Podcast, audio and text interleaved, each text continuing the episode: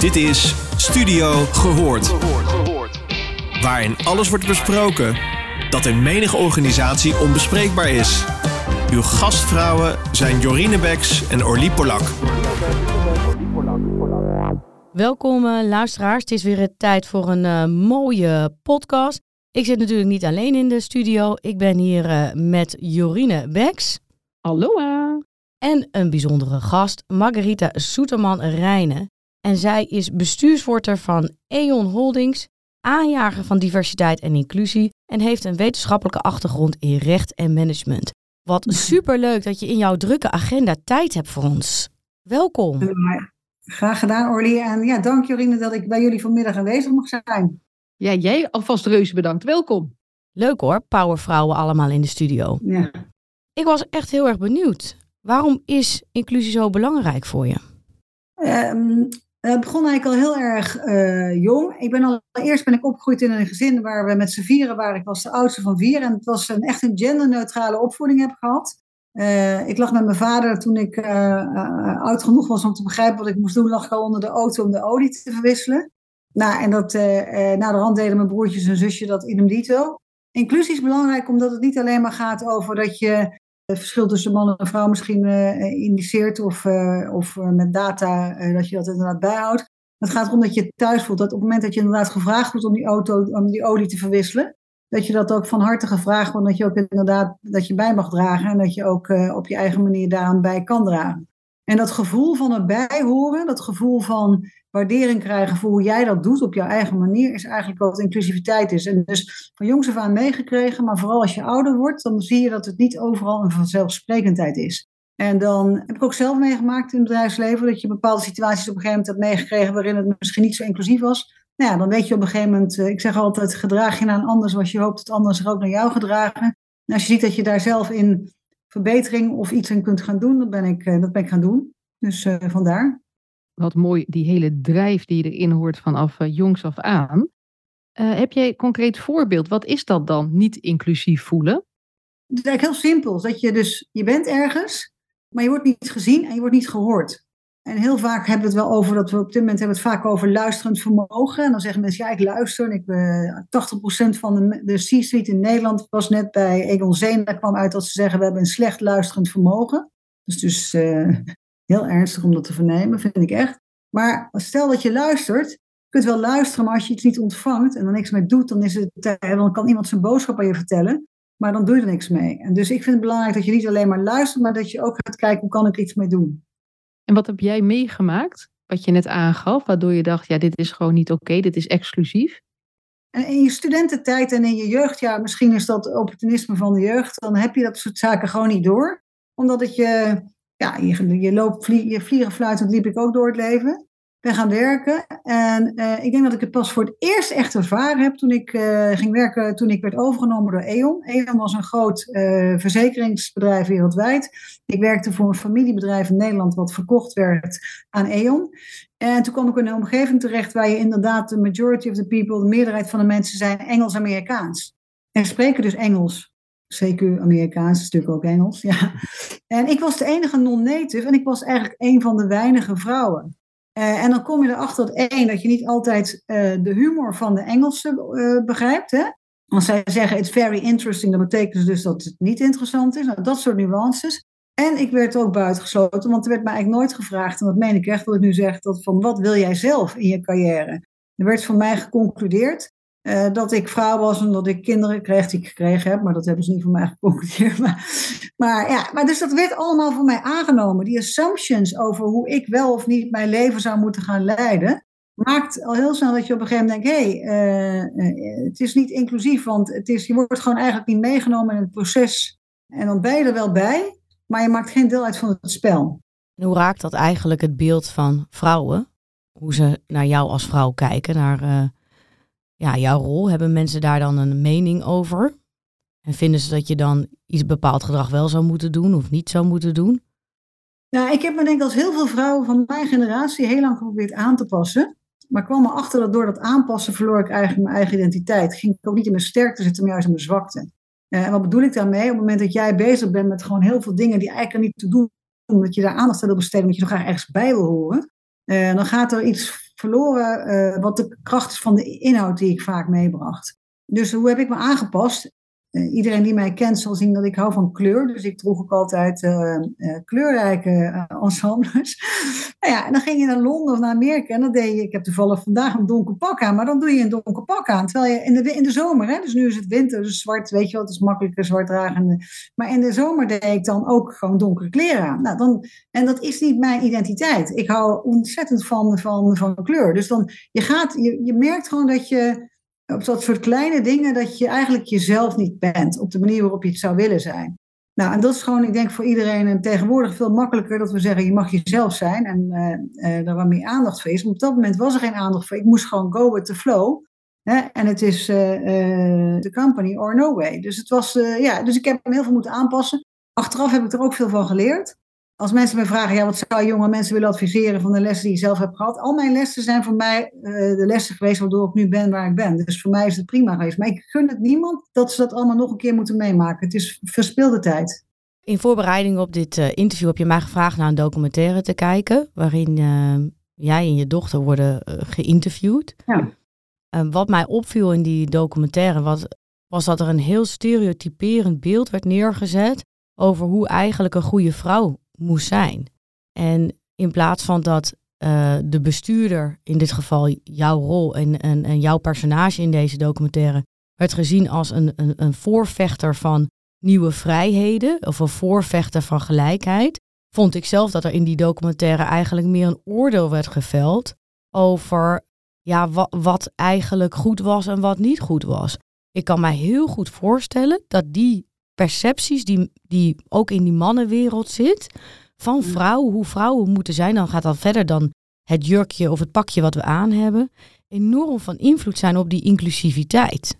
Ja, nou, je hebt het over uh, uh, het programma Moeders van Koen Verbraak. Daar ben ik inderdaad met mijn dochter heb ik daarin uh, ben ik geïnterviewd. Het interessante ervan is dat ik daar dus heel veel van geleerd heb. Want één, ik werd geïnterviewd, werd benaderd door een van zijn teamleden. Wil je dat doen? Ik zei, nou luister, dan moet ik eerst uh, mijn dochter vragen. Want of die dat wil doen is nog een heel ander iets. Dus ik kan zeggen ja, maar of mijn dochter dat wil is een tweede. Nou, die zei uiteindelijk, dat doe ik wel mama. Dus uh, ik reis de hele wereld rond, zat meer aan het vliegtuig dan een man. En um, had dus met thuisfront bij mij thuis alles heel goed geregeld. Anders lukt het gewoon niet. Dus, dus net zo goed als ik mijn leven op mijn werk goed indeel, deed ik het thuis ook. En had ik inderdaad oppas, et cetera, et cetera. In het programma Moeders van Koen Verbraak uh, werd de moeder gestereotypeerd door Koen als een vrouw die smiddags naar school thuis de kinderen zit op te wachten met een kopje thee. Uh, en in mijn hele levende bestaan, werkende bestaan, heb ik dat zelf uh, bij mijn eigen moeder ook niet echt ervaren. Mijn moeder werkte zelf ook, was lerares. Uh, maar ook bij mijn eigen dochter, mijn eigen zoon, ik heb twee kinderen, was ik de werkende moeder en ik had ook een werkende man. En we deden het samen heel goed uh, maar voor mij was het dus niet de standaard procedure, smiddags naar schooltijd een kopje thee met mijn dochter drinken. En wat je dus leert van zo'n situatie is dus dat hij dus stereotypeert. En dit is dus anno 2021. Hè? Dit is niet, je zou verwachten, het is anno 1970. Nee, dat was anno 2021.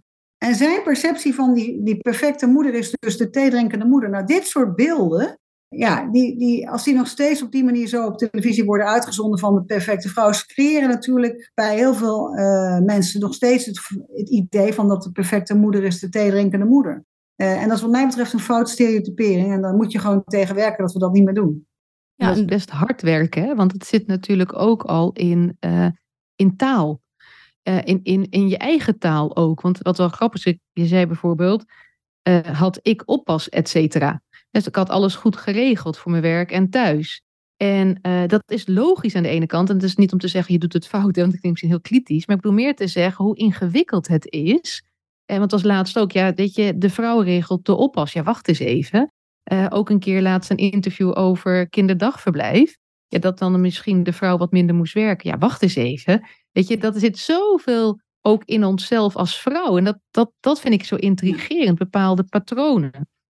Uh, volgens mij, want nu ging ik erin, volgens mij wilde jij ook nog wat vragen, Orly, of niet, naar aanleiding van het verhaal? Ja, nou wat ik me heel erg opviel in dat interview, en, en ik snapte dat jij in onze voorbespreking uh, dat aanhaalde, is zijn woordkeuze ook. Hij vraagt op een gegeven moment aan jouw dochter, had je niet, soort, niet het ontheemd kind, of had een soort woord daarvoor van het verlaten kind, of het verwaarloosde kind gebruikt? Ik vond die vraag al eigenlijk heel erg stereotyperend en heel erg mensen eigenlijk ex exclusief maken. Want we hebben het gesprek gaat natuurlijk over inclusiviteit. Maar als je op voorhand in je bevraging en in het neerzetten van, van verschillende moeders, de werkende moeder en de moeder die academisch is, de moeder die intelligent is, wegzet als een moeder waar, waar je kinderen de vraag stelt: joh, voelde jij je verwaarloosd en heb jij je moeder gemist? Ja, dan is het aan de kijker zo van: ja, eigenlijk vinden we dit toch niet inclusief. Ja, het is wel mooi hoor, de carrière maken, maar je kan eigenlijk niet twee rollen hebben. Zo kwam dat eigenlijk op mij over. Ja. Kijk, hebt in Nederland nog steeds een hele traditionele kijk op, op ouderschap en moederschap en wie welke rol bekleedt. En in mijn gezin, ons gezin, ik moet lachen Jorien, heel, nou, in ons gezin, mijn man was eigenlijk meer de moeder, want dat was de essentie van het interview, dan ik de moeder. Want hij was de zorgzame. En, uh, maar terug naar stereotyperen. Ik heb dit aan uh, een voorgesprek inderdaad met Orly gedeeld. Mijn man is dus piloot. En dan stond hij op het schoolplein in zijn vrije tijdskleren. En hij was natuurlijk vaker dan ik op gekke tijden. Ook om de luizen te doen. Want dat deed hij allemaal. En uh, initieel dachten dus de andere moeders dat hij, dat hij dus werkeloos was. En op een gegeven moment toen hij met zijn pilotenpak natuurlijk op het, op het schoolplein kwam. Het is echt grappig. Dan zie je dus het verschil in opeens, oh, piloot. En opeens is hij natuurlijk superstore. Nou, dat was hij sowieso al van mij. Maar het interessante van dit is dus dat we in Nederland, en dat Jorien, je noemt ook al taal, maar zitten nog steeds een hele oude denkbeelden soms, zijn we verstart. En die, die bias, die krijgen we inderdaad al vroeg op school. Uh, ja, en het is zaak om dat te doorbreken. En hoe, dat ook, hoe je het ook doorbreekt, het kan me niet schelen hoe het doorbreken, maar het moet doorbroken worden om in ieder geval die gelijkwaardigheid tussen, tussen partijen te creëren. Ja, kijk, ik vind het ontzettend mooi voorbeeld. Ik moest ook, ook, we moesten ook heel erg lachen. Dat hoorde de zachte luisteraar niet en dat hoort het misschien ook niet. Hoe dus van alle kanten alles wordt ingevuld. Hè? Werkloos, het is toch ook wat? Of ja, dan moet de vrouw werken, is toch ook wat? Of dan worden je kinderen verwaarloosd, is toch ook wat? Maar zit er ook niet, want je zei in het begin ook over uh, slecht luisteren. En ik weet niet of, je nou, of ik het nou goed had gehoord over C-level. Binnen de organisatie heb ik dat goed gehoord ja, net. Goed gehoord. Uh, en dat vind ik ook een interessant in dit hele verhaal vanuit luisteren. Luisteren we naar elkaar? Heeft degene, voor de documentaire waar je het net over had, heeft hij naar jou geluisterd? Of heeft hij vanuit zijn eigen pers ja, perspectief gedacht, dit, dit ga ik vertellen? En uh, daar ben ik even van nieuwsgierig naar. Hoe zie jij dat? Luisteren als ja, denk, rode draad. ja, ik denk allereerst dat je ziet op televisie willen ze gewoon de extreme accentueren. Dus ik was de extreme werkende moeder die veel in het buitenland was en noem maar op. En de manier waarop ik ben neergezet was inderdaad redelijk. was redelijk zwart-wit en dat op zich best wel hard. En de grap is dan, dat is het leuke, dat je dus uh, ja, dat je niet altijd moet geloven wat je voorgeschoteld krijgt. Want ik was degene die toevallig ook op de school nog in een medezeggenschapsraad gezeten heb. Dus niet dat ik alleen maar weg was. Maar dan zie je dus hoeveel dat doet met mensen. En de mensen die je kennen weten beter. Ik denk dat voor mij is het allerbelangrijkste in deze is één, terug naar inclusiviteit, is dat je uh, goed gaat bedenken, wat je ook zegt, van wat kun je er zelf aan doen. Het gaat er ook om hoe ga je thuis met je situatie om, hoe doe je het samen. En ten tweede denk ik terug naar je werkende omstandigheden. Um, ja, wat je ziet is dat er vaak wordt, voor mensen ook op kantoor wordt er geconcludeerd door HR of door de top wat diversiteit of inclusiviteit inhoudt. In plaats van te vragen wat heb je nodig om te excelleren, wat zijn de behoeftes die jij hebt. Uh, en terug naar luisterend vermogen. Dus één, uh, daar wordt niet eens naar geluisterd, want die vraag wordt niet eens gesteld. Dus ik denk dat we moeten beginnen met gewoon te vragen: waar kunnen we als jullie, hè, hoe kunnen we je helpen? Wat heb je nodig? en dat kan voor de een iets heel anders zijn dan voor de ander. Dus ik denk dat het duidelijk belangrijk is dat je dat, die vragen durft te stellen. En dus ook inderdaad het gesprek aangaat met degene die het betreft. Wat ik eigenlijk ook problematisch vind, en daar is dit gewoon ehm, deze uitzending van Moeders een goed voorbeeld van, is dat het niet alleen maar iets zei over jou, uh, maar dat het iets zei over alle werkende vrouwen. Ik weet nog heel goed dat uh, ik kreeg mijn eerste kindje en ik ging fulltime weer aan het werk. Dat een vriendinnetje aan mij vroeg, maar hou je dan niet van je kind? En dit soort beelden die men oproept in de televisie, in de media, die doen ook iets wat met de werkende vrouw die een carrière zoekt. Want dat speelt allemaal mee. Hè? Al die beelden spelen mee of jij je inclusief voelt en of jij ook durft te vragen. Ja, maar kun je rekening met me houden met mij? Bijvoorbeeld, uh, stel dat je werkende moeders hebt die gewoon hun kinderen naar school zouden willen brengen s ochtends en ze zouden willen ophalen. Is daar dan wel ruimte voor als je nu al in zo'n padstelling komt? Hè? Je bent of de carrière-tijger die uh, een, een, man heeft die uh, thuis de moeder is, of je bent de moeder thuis. Maar volgens mij zijn er toch nog heel veel andere opties voor vrouwen om eigenlijk werk en gezin te kunnen combineren. Um, dit is, ik wil het eigenlijk even spiegelen wat je zegt, Orly. Het is natuurlijk niet alleen van toepassing op vrouwen dat ze zich wellicht ongelukkig voelen in de wijze waarop om wordt gegaan met hun specifieke situatie. Het geldt ook voor mannen. In het recente artikel wat gepubliceerd is door Maatje Laterveer over mannen op de Zuidas, werd duidelijk gesteld dat er mannen zijn die eigenlijk niet blij zijn met bepaald gedrag van andere mannen, of een soort van macho gedrag. Uh, en wellicht hebben sommige uh, vaders of mannen uh, ook wel ambitie om vader te worden of om vader thuis te zijn.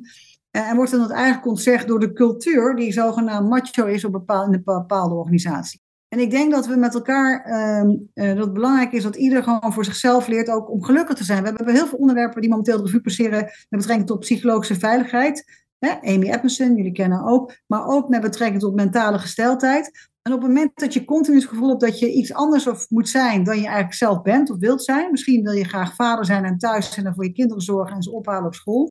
Uh, ik denk dat we daar met elkaar gewoon, uh, daar begint het al. Dus thuis, kijk waar je zelf behoefte aan hebt, waar je samen behoefte aan hebt en vul dat in op je eigen manier en durf dat ook uit te dragen. En ben er trots op dat je dat op die manier wil doen. Want dat is ook zoiets, weet je, waarom moeten we ons verexcuseren voor de keuzes die we maken? Dat zijn onze keuzes, het is onze tijd en het is ons leven. Ik vind het ontzettend mooie boodschap. En kijk, ik, ik heb nog wel een vraag. Uh, jij gaf aan dat je de hele tijd hebt aangepast. Aangepast qua kleding, qua kledingkleur. Hè, van oké, dat moet dan. En op een gegeven moment, die foto op LinkedIn met je knalroze, hè, eh, heb je de keus gemaakt. Kijk, de oproep is heel mooi. Maar wat maakte nu? Wanneer dacht je op een gegeven moment, wacht eens even, ik ben mezelf kwijtgeraakt. En wanneer besloot jij, dit ben ik, ik ga weer terug naar wie ik ben. En wat maakte, er zijn heel veel vragen, wat maakte dat je dat kon? Uh, wanneer heb ik die keuze kunnen maken? Is op een gegeven moment ben ik het gewoon gaan doen omdat ik voelde dat ik anders niet gelukkig was. En ik kon het ook doen omdat ik ook de sterkte had op een gegeven moment om te gaan doen. Maar dat is wat ik iedere keer zeg. Het is ook op een gegeven moment dat je in jezelf gaat geloven. Uh, en dat je durft in jezelf te geloven uh, om dat te gaan doen. Kun je hem nog, nog concretiseren? Weet je nog het moment dat je voor je kast stond en dat je dacht, en nou niet meer blauw? Nu ga ik voor roze, voor bloemen, voor geel, voor kleur. Ik denk dat toen ik terugkwam uit Londen, waar ik twee jaar gewoond en gewerkt heb, uh, en waar ik eigenlijk na die twee jaar, ik was echt bevrijd dat ik weer terug in Nederland was. Ook omdat je uh, uh, het, het, het bekrompenen van de Engelsen, maar goed, daar kunnen we een ander keer over hebben, want dat is echt zo. Ze zien allemaal keurig in pak uit, maar je moet ze niet zien in het weekend zonder pak. Het is heel erg keeping up appearances, hè? high and bouquet, echt letterlijk en figuurlijk. Ja, en op een gegeven moment dan, dan kom je terug en dan weet je ook van luister, zo ben ik en dit ben ik en dat durf je te zijn. En daar is nu wel veel meer ruimte voor, hè, dat je jezelf mag zijn. Um, dat vind ik wel. Ik denk wel dat het nog steeds voor iedereen, ieder is ook, met, ja, hoe je ook, um, maar die ruimte, ook op scholen, uh, om jezelf te zijn, ook qua seksuele geaardheid, die is al wel heel veel meer aanwezig om daar, om daar invulling aan te geven. En dat was in onze tijd natuurlijk niet, weet je wel. Er waren toch een aantal onderwerpen in mijn jeugd die waren gewoon onbespreekbaar of taboe. Dus ik denk wel dat inmiddels dat de, de tijdsgeest uh, heeft al wat meer ruimte gegeven. Het is wat mij betreft nog steeds niet genoeg, want zolang mensen zich niet vrij voelen om te zijn wie ze zijn, zijn we eigenlijk nog niet goed genoeg bezig. En in ons voorbespreking noemde jij een documentaire die ik nog niet gezien had. Dat was over uh, Meghan en Harry. Ik heb hem netjes gekeken. Ik ben echt gechoqueerd over de enorme discriminatie in de Britse tabloids. Het is de woordkeuze, de insinuaties, de stereotypering. Het is eigenlijk te schokkend om naar te kijken naar die documentaire. En die documentaire, dat is nu, hè? dat is niet tien jaar geleden, dat, dat is nu. En we hebben het over inclusie, en we hebben het over eigenlijk vrouwenrechten, we hebben het over het beeld van vrouwen dat ze niet langer meer aan het aanrecht staan, wat echt uit de jaren 50 komt. Hè. De spruitjeslucht komt ons tegemoet. En, en als je dan kijkt naar hoe ze met Meghan omgaan, wat ze over deze royal durven te schrijven, het, het, is schokkend. Ja, want wat ik van, ik heb dus die documentaire tot nu toe gekeken. De eerste drie heb ik gekeken, de, de, de tweede sessie is nu uit, moet nog doen. Uh, wat mij opvalt is uh, de invalshoek van de media, uh, die door iedereen wordt overgenomen ja, zij is een golddigger of dit allemaal meer. Weet je, dit, deze documentaire gaat over racisme, heel zwart-wit, gewoon racisme. Over dat zij van biracial afkomst is. En ten tweede gaat hij over uh, privacy, over het feit dat je zo door de paparazzi achterna wordt, gekeken, wordt gezeten dat je je gewoon niet veilig voelt. Ook de mentale veiligheid gesteld die erbij komt kijken. Nou, deze documentaire is natuurlijk vanuit, nou, hoe ik het ervaar, een soort van uh, biecht, zelfreflectie over wat er gebeurt. En als je het dan ook plaatst in de tijdgeest, uh, op het moment dat zij een verloving aankondigde, was Brexit, werd er veel aandacht gewijd aan het feit dat de Engelsen geen, die gewoon geen ongewenste vreemdelingen in de UK. Als je kijkt naar de, de, de privacy-elementen waar ze mee te maken hebben, de veiligheid, de beveiliging die daarvoor nodig is, Ehm, wat je dus eigenlijk ziet, is dat er heel negatief in de pers wordt geschreven over een documentaire die eigenlijk gaat over hele simpele dingen. Over racisme, over, over mentale en psychologische veiligheid. En ik vind dat eigenlijk, dat vind ik nog wel de grootste schande. Hoe wij ons laten beïnvloeden. Of heel veel mensen die er iets van horen, ja, dit en dat meer vinden ze van. En ze hebben het niet gezien. En eigenlijk alle reacties die je ook ziet nu bij de BBC, als je gaat kijken bij de BBC, eh, op, een, uh, op een app of Instagram, dan vraag je af wie van hen heeft eigenlijk echt alles gezien. Of wie beoordeelt eigenlijk al meteen vanuit iets wat ze hebben gehoord. Dus wat ik ook wil zeggen is dat je ziet dat zoveel mensen tegenwoordig een oordeel al zo snel hebben klaarstaan. zonder dat ze de feiten op een juiste wijze op een rijtje hebben gezet. zonder dat ze de juiste betekenis aan hebben gegeven. en dan pas hun mening vormen. Herken je dat ook binnen E.ON, om het even wat kleiner te maken, wat meer te betrekken op waar je zelf ook invloed op hebt? Herken je dit? Ja, kijk, ten eerste is onze organisatie is actief in 120 landen met 55.000 werknemers. Dus ze komen dus in Azië, Amerika, Afrika met allerlei soorten achtergrond, uh, religie en ga ze maar door. Dat is één. Twee, wat je natuurlijk ziet is dat de, de, de privilege, want daar heb je het over, die de top bereiken. De vraag is hoe divers is die top dan? En daar wordt bij ons nu heel strikt naar gekeken. We hebben echt wel diversiteitsnormen en waarden neergezet die gewoon van belang zijn. Dat zie je nu ook in de benoemingen. Je ziet opeens veel meer benoemingen vrouwen, maar ook mensen met kleur van kleur. Ik denk wat belangrijk is, is dat je dan ook nog eens verder gaat. Want wij kijken dus ook vaak nog wat voor achtergrond heeft iemand, wat voor universiteit, wat voor cv. We hebben, bij E.ON hebben we een, wat we noemen het apprenticeship program zijn begonnen. Van eigenlijk mensen die op een of andere manier zijn ze uit de boot gevallen. Dan blijkt dat ze toch echt wel skills hebben en vaardigheden. En we hebben daar speciale programma's voor opgetuigd. Zodat ze inderdaad, al is het op latere leeftijd op een hele andere weg dan ze misschien zelf ooit beoogd hadden. Dat ze toch iets kunnen bereiken wat ze willen bereiken. Dus ik denk dat waar we, waar het hier over hebben is Eén, het is ehm, belangrijk om je te beseffen wat voor organisatie werk je, maar ook wat voor wat zijn, hè, wat, gebeurt er in de wereld om je heen. Als de wereld om je heen zo snel verandert op dit soort onderwerpen, je doet het niet, dan is, behoudt je organisatie op te bestaan, want er gaat geen klant meer zaken met je doen. Dus het is sowieso vanuit een zakelijk belang belangrijk om dit te bekijken, maar vanuit het intrinsieke culturele belang nog veel belangrijker. Want eh, als mensen niet bij je willen werken omdat je gewoon niet de juiste normen en waarden in je organisatie hebt uitgestraald, dan heb je gewoon een probleem. En dat is wat er momenteel aan de hand is. Er is een, een werk, dat heet de Work Monitor van Randstad. En daar hebben 41% van de ondervraagden gezegd dat ze niet willen werken voor een bedrijf die hun normen en waarden op het gebied van onder andere ESG, maar ook diversity, equity en inclusion, niet vertegenwoordigt. Dus als, als, als, als werkgever is het gewoon zaak om talent te behouden door de juiste dingen te gaan doen en de dingen juist te doen. Uh, en is het zaak ook voor als je zaken wil doen met je klant, om dat in, daarom ook te doen. Dus het is gewoon, het is, gewoon het, het is echt een van de meest belangrijke onderwerpen die momenteel de boardroom agenda raakt. Ik denk dat het een hele mooie oproep is. En dan ga ik hem weer toch kleiner maken. Wat doe jij? Als jij wat heb jij vandaag gedaan, los van deze leuke podcast? We zijn bijna aan het eind. Wat heb je nou vandaag gedaan in het bouwen van een inclusief werkklimaat? Dat begint, Jorine, dat begint bij jezelf. Uh, dus die, ik heb een Circle of Five waarin mensen zitten met diverse achtergrond. Uh, die je dus vertrouwt en die dus inderdaad invalshoeken kunnen geven. Hun invalshoek op een situatie die misschien vanuit mij met mijn invalshoek bekeken wordt. Uh, dus dat is één. Dus je Circle of Five, kijk hoe divers die is. Dat is allereerst waar je mee kunt beginnen. En dan ten tweede, wat doe je zakelijk zelf? Is iedere keer weer, op het moment dat je tegen wordt gesproken, laat het gebeuren. Ik vond het vroeger heel irritant als ik werd tegensproken. Maar diversity of thought and opinion, daar begint het mee. Waarom heeft iemand een andere mening? Dat is één. Wat wil die doorgeven? En ten tweede, op het moment dat jij reageert en geïrriteerd reageert op iemand die een andere mening vertelt of weergeeft, waarom reageer je zo? Want dat zegt meer over jou en jouw, eigenlijk jouw reactie om niet divers te willen zijn of anders te willen denken of een ander perspectief te willen aannemen eh, dan over die ander. Wat mooi. Ik, ik denk echt dat je maakt een mooi klein wat je aangeeft. Zorg ervoor dat je juist tegenspraak organiseert om je heen. Je voegt iets aan toe. Niet alleen tegenspraak van die mensen die veel op je lijken, maar zoek juist diversiteit om je heen. Dan geef je nog aan, luister naar wat die ander geeft als andere mening. En op het moment dat jij bij jezelf voelt, misschien wel dat je gaat overtuigen of dat het je irriteert, ga dan naar jezelf kijken. en niet naar die ander. En leer zo, ontwikkel je, sta open. Ik vind het ontzettend een mooie oproep, zo ook net voor kerst. Richting kerst gaan we. Laten we daar eens inderdaad eens verder over nadenken met elkaar. En wat kan jij, alle luisteraars ook, wat is dat ene ding wat je direct anders kunt doen? Super bedankt voor uh, deze hele interessante podcast. Dankjewel. Je luisterde naar Studio Gehoord. Vond je dit een leuke podcast? Laat dan een review achter bij jouw favoriete podcastplatform. Tot de volgende!